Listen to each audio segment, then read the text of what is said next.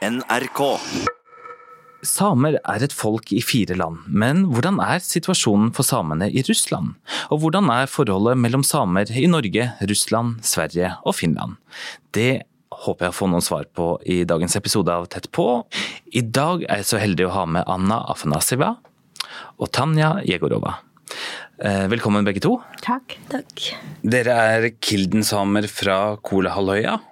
Ja. Og Tanja, du jobber som urfolksrådgiver for Barentssekretariatet og bor og jobber i Murmansk. Ja, det stemmer. Og så har du bodd i Sverige og jobbet inn mot Norge siden 2012. Yes. Ja. Og Anna, du har bodd i Norge i ti år og har jobba som urfolksrådgiver for det internasjonale Barentssekretariatet. Og i vår så tok du altså doktorgrad ved Universitetet i Tromsø. Ja, riktig. Ikke verst. Ikke verst. Takk. Anna, jeg tar meg av og til i å bruke begreper som samiske nordmenn, samiske russere osv. Hvorfor mener du at det ikke er helt heldig?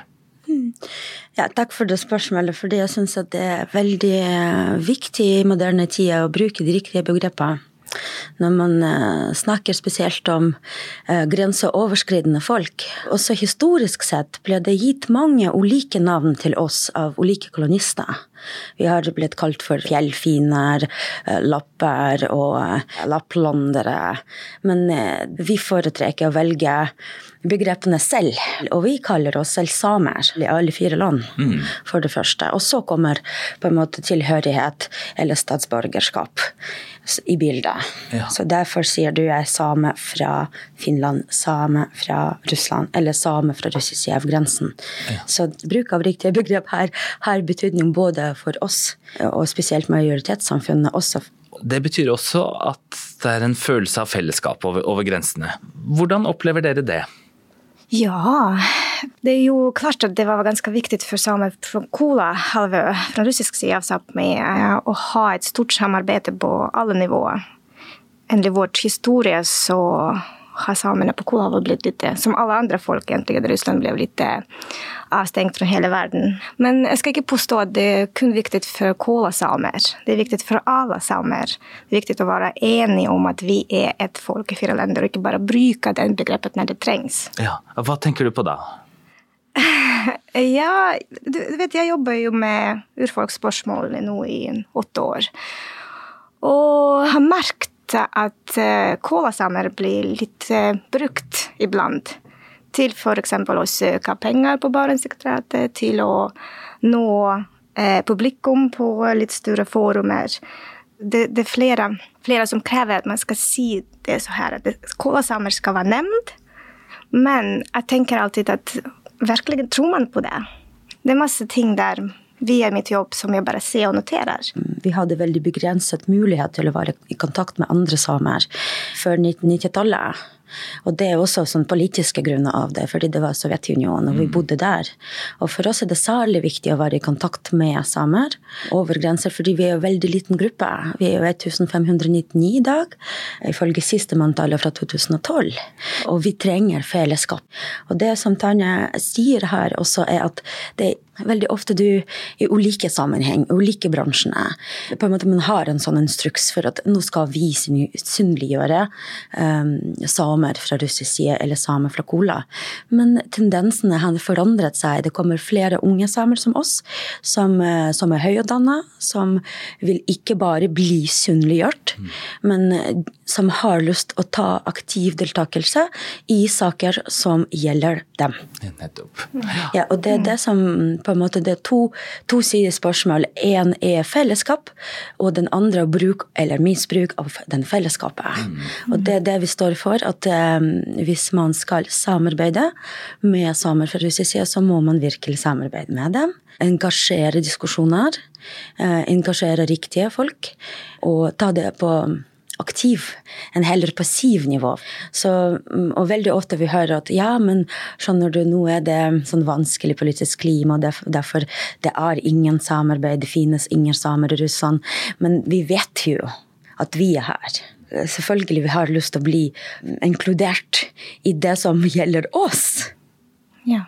Jeg er helt enig med Anna, spesielt om de yngre generasjoner. De er helt annerledes. Men for oss er det jo også veldig viktig å forklare vår historie.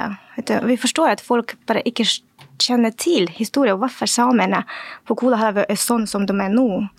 Og hvorfor vi har forlovet språk, og hvorfor det er svårt å lære den språk nå. Det, det fins uh, forklaringer til alt. Men Kan dere gi oss det historiske bakteppet? Altså, Sovjetunionen eksisterte jo nesten 100 år. Det er jo mitt favorittema. Ja.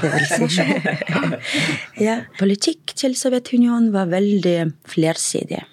Man kan ikke si og se det i hvit og svart. For eksempel, jeg kan eh, fortelle det som jeg tror har uh, veldig stor innflytelse, hadde veldig stor innflytelse på oss, og har det fortsatt. Den politikken kaltes for uh, Talentfabrikken. Det begynte i 1920-tallet, når staten begynte å se på urfolk som som ressurs, selvfølgelig. Men holdningen til en sånn ressurs var vel meget annerledes fra det som skjedde i Norge. Og da staten bestemte at ja, men disse folk de, de er jo eh, talentfulle og intelligente. De, vi bare må hjelpe dem språklig. Vi må gi dem stipend. Vi må opprette utdanningsinstitusjoner for dem. Og vi må bare gi dem lettere adgang til høyere utdannelse. Og gjennom Talentfabrikken flere generasjoner av ulike urfolk, fordi i Russland det er masse, massevis av ulike folkeslag som bor i landet, ble sendt til uh, St. Petersburg, som er den kulturelle hovedstaden, uh, og um, fikk mulighet til å få høyere utdannelse. Og da masse folk som ble leger, ingeniører, politikere, og mange av disse folk kom tilbake til sine områder og begynte å jobbe med la oss si samisk språk, samisk kultur, eller um, de relevante kulturene hvor de hører til i andre regioner. Og disse folk på sin tid formet et helt sosialt klass på mange tusen, kanskje hundre tusen mennesker, som vi kaller for uh, urfolks intelligense i dag. Det er de intellektuelle folk blant ordfolk som har jobbet i årevis gjennom hele sovjetperioden og frem til i dag. Og vi er også etterkommere av eh, den sosiale klossa for eh, urfolks intelligens i dag. Så det er utgangspunkt veldig eh, forskjellig fra de holdningene som man finner i, i Sverige. F.eks. man segregerte samer og trodde at de var ikke for å si, i stand til å få høyere utdannelse. Så det er det som former vår mentalitet, eller forskjellene i vår mentalitet i dag. At vi kanskje har mindre sår når det kommer akkurat til det. Vi har troen på at vi kan gjøre ting. Vi har den troen at vi kan forandre verden.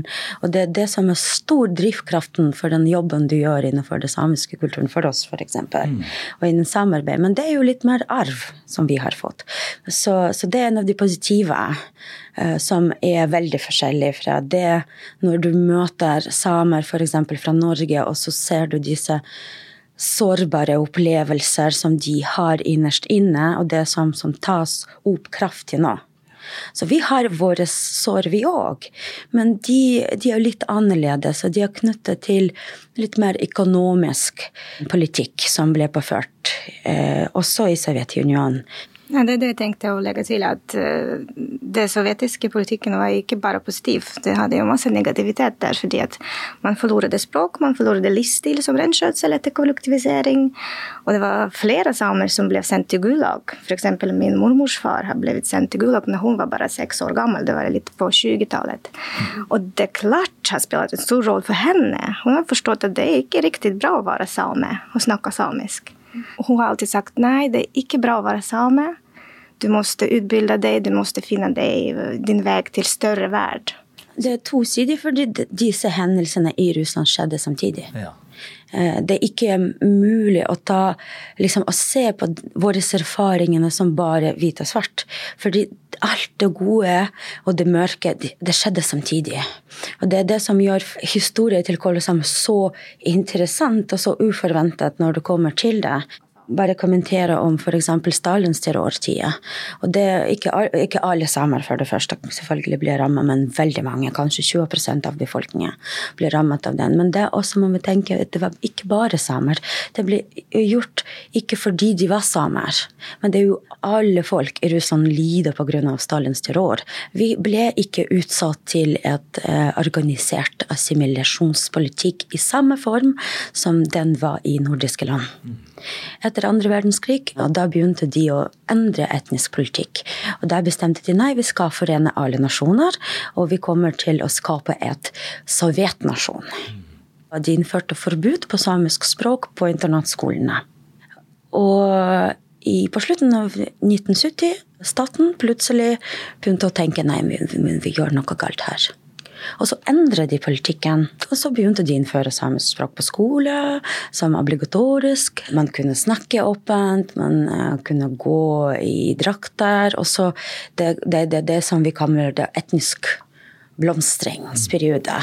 Så den perioden forbudt på samisk språk uh, var aktiv for 25 år. Og uh, i løpet av disse to generasjoner de nesten klarte å utrydde språket. Det som var særlig trekk i Norge, at du skulle ikke bli same. Du skulle bli norsk. That's it. Du skulle bli norsk walkietalkie. Du skulle sitte, du skulle gå, du skulle tenke, du skulle snakke, du skulle se, du skulle drikke te, du skulle spise kake. Men i Russland du skulle ha snakket akademisk russisk språk. Du kunne fortsatt være samme, også fordi det var masse andre folkeslag i landet. Og de kunne også være seg selv, men språklig måtte det være av samme dannelse.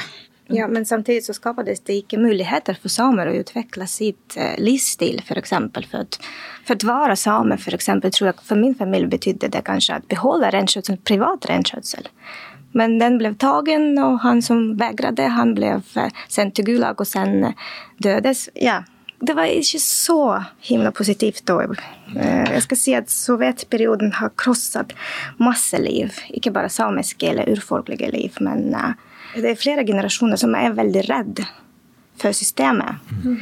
Og den politiske situasjonen just nå i Russland, den påminner litt. Grann.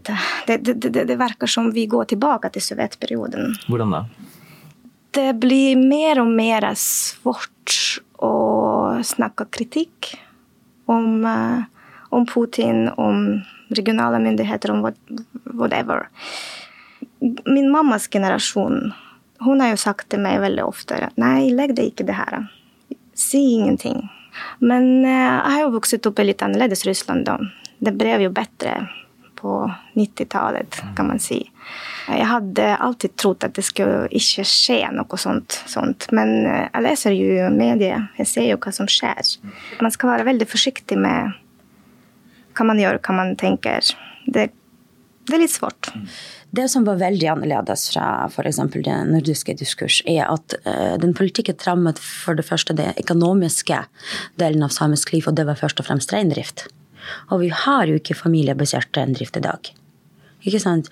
All rein ble statlig eiendom. Mm. Det begynte i 1930. Det er 100 år snart. Mm. Så det, det, er jo lite sjanse for oss å tenke på at vi kan gå tilbake til, til det levemåten som vi hadde før det. Men det jo, om jeg kan bare legge meg inn, jeg har snakket masse med reinskjøterne på Kolahavet som jobber på innen kooperativgreier, og de vil gjerne starte egen privat reinskjøtsel.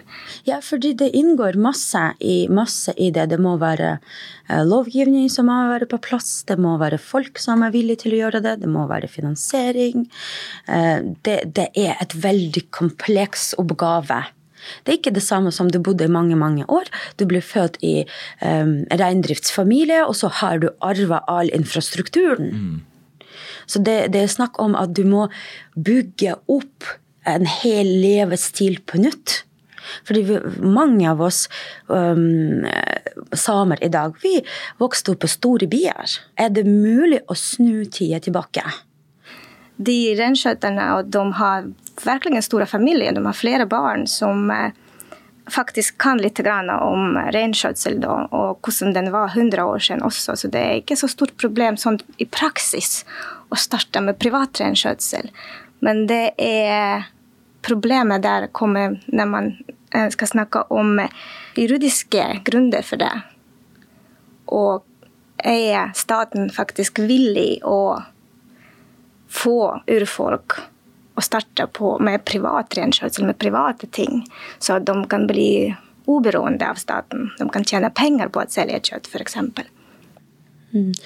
Ja, så det vi stort sett rammet for, er at tap av jord. Så vi tapte våre områder mm. i den kampen, for å si det sånn. Vi tapte språk. Um, og vi tapte adgang til uh, tradisjonelle næringer uh, i løpet av den historien. Og det vil si at um, Grunnen til det at um, det er mer interesse i økonomisk uh, ekspansivitet Staten begynte å modernisere samfunnet, og de klarte jo det. Vi er jo moderniserte folk. Vi lever jo samme livsstil som alle de andre europeere. Men vi er jo fortsatt samer. Og klart eh, begrunnelse kan, fra folk også kan være at hvis staten tok det fra oss, så må vi få det på noen måte tilbake av staten. Så det er veldig kompleks. Det, det er ikke mulig å se på det med ensidig blikk. da. Man må tenke på helhetlig bilde her. Og det er jo situasjonen vi faktisk finner oss i. Så, som jeg sa, det kreves masse ressurser, det kreves masse folk. Og vi har jo ikke disse folk. Vi har bare 1599. Eh, og vi kjenner jo alle som jobber i bransjen, for å si det sånn. Eh, vi alle kjenner hverandre. Vi, og til og med vi hører til ulike generasjoner. Og vi har ulike synspunkt. Og vi har ulike former og metoder å jobbe med, med og på. Eh, og så det er ikke enkelt når du har et sånn liten miljø og svære, ambisiøse ønsker. Jeg tror det er så mye på eh, de lille, svake skuldrene her. Jeg snakker fra den standpunkten at jeg er realist. Og, og, og, vi er jo rett og slett ikke så mye folk. I, I utgangspunkt så har vi samer i alle länder samme problemer. Det er rettigheter for land, rettigheter for vann, rettigheter for sitt livsstil, for å kunne läsa og bruke språk. Og via samarbeidet kan både vi og kanskje myndighetene våre lære seg om ulike situasjoner i länder og ulike teknikker hur man bearbeider situasjoner. Det er ikke omöjligt å samarbeide med Russland. Jeg har en veldig god eksempel på det. for att uh, Vi har en urfolksarbetsgrupp i, i Barentsrådet. Uh, og eh, denne urfolksgruppa fikk permanent finansiering siden 2015 fra alle fire länder. Til og med UD i Moskva sender penger til Kirkenes for eh, arbeidsgruppens aktiviteter. Og det er eh, et underbar sak, faktisk. Og jeg minns når jeg og kollegaen min vi har jobbet med det, altså vi har lobbyert fram permanent finansiering, så har mange, mange eh, urfolksaktivister, litt eldre folk kanskje, har sagt til meg at nei, det her kommer ikke fungere. Russland kommer aldri å gi penger til dere. Og hvis de gjør det, så skal de si hva, de skal, hva dere skal si og gjøre. Og så, ja, jeg var litt sånn tveksam. Men hvor som helst, vi fikk finansiering. Og det er ingen som sier til oss hva vi skal si. Og tvert om, via det at vi har fått finansiering, så støtter de oss. Mm.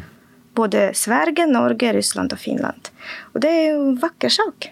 Hvis vi samarbeider, hvis vi bruker diplomati og forståelse, og ikke blande i storpolitikk, kanskje, hvis vi samarbeider litt mer regionalt, da, så kan saker hende.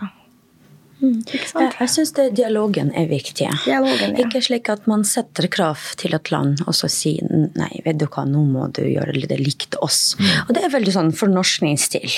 Og da ser du at hvis du velger det riktige måten å gjøre det på, så går det veldig fint. Hvis du velger den måten som, som er litt ensidig, så funker det ikke. Jeg har stor tro på Barentssamarbeidet.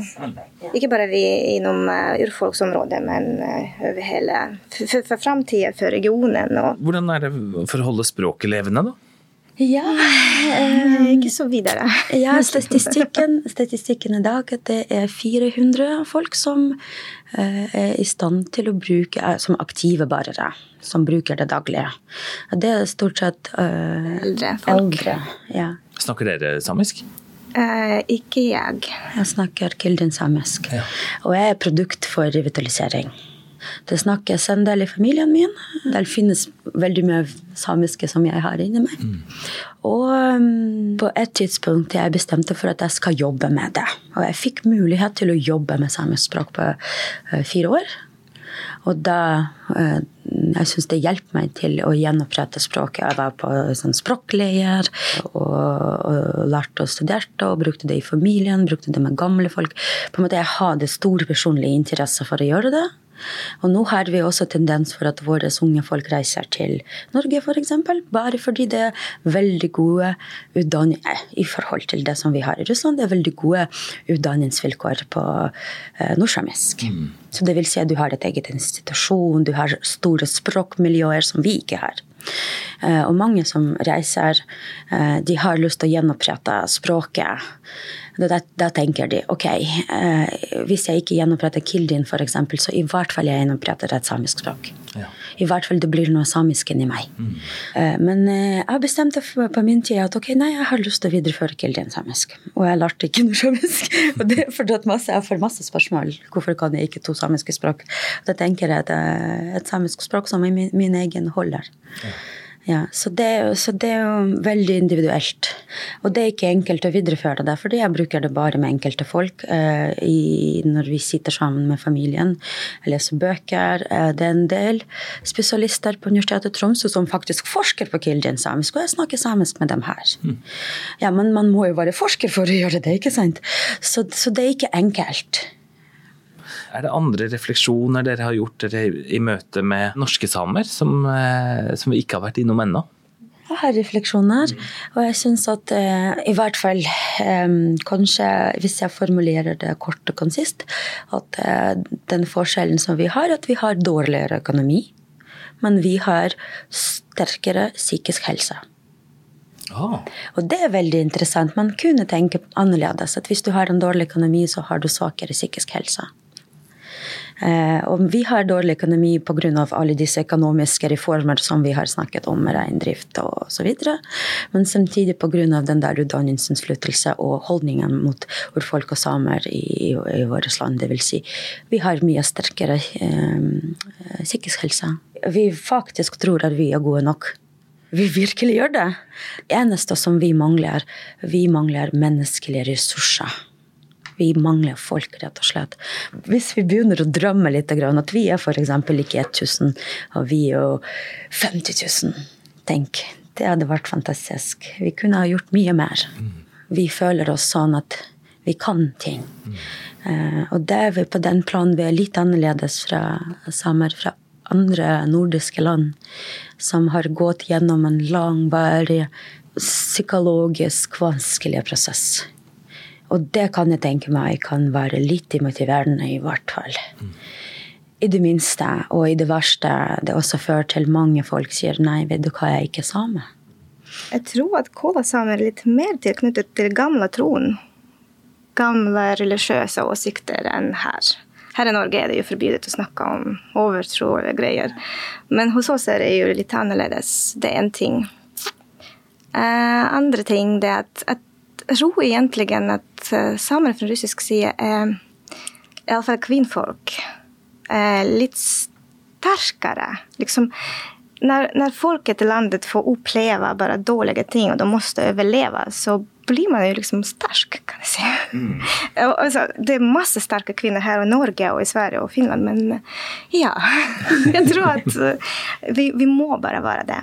Vi har ingen annen valg. Vi må alltid være på alert og alltid eh, være klar til å analysere og finne utveier av situasjoner, eller ja, whatever. Mm. Anders så er vi ganske like. Fordi det er vi faktisk er veldig veldig stolte av. At mm. vi har sterke kvinner som er flinke og dyktige og sånt. Og det har sine grunner også til at våre mannfolk ble først rammet av den terroren når de protesterte eh, imot en eh, statliggjøring av reinsdyr. Da ble mange eh, eh, rammet av terror. Så andre verdenskrig, så våre mannfolk de var ute i krigen. Til og med de var blant de som frigjorde Finnmark. Ja. Samer. Så det er de. Eh, noen som gikk hele veien til Berlin. Eh, så uh, krise med tvangsflytting, der de mistet sine jobber som reindriftsutøverne. Det er masse sånne dramatiske hendelser som mannfolk blir jo litt ramma av det, både psykologisk. Der finner du litt svakere um, psykisk helse hos mannfolk og kan misbruk av alkohol og sånne ting. Det, det finner du pga. depresjon. Så vi var jo litt flinke til å overleve, det vil si. Ja. Når vi måtte være sterke. Vi måtte stå på. For hvis vi ikke gjør det, som hvem gjør det? Så samtidig måtte vi også støtte opp våre mannfolk litt med det. At ja, det kan du. Det er fullstendig girl power her. Definitivt. Anna og Tanne, tusen takk for at dere var med i Tett på. Takk, du. Tett på fra NRK Sápmi er produsert av 1 til 1 Media.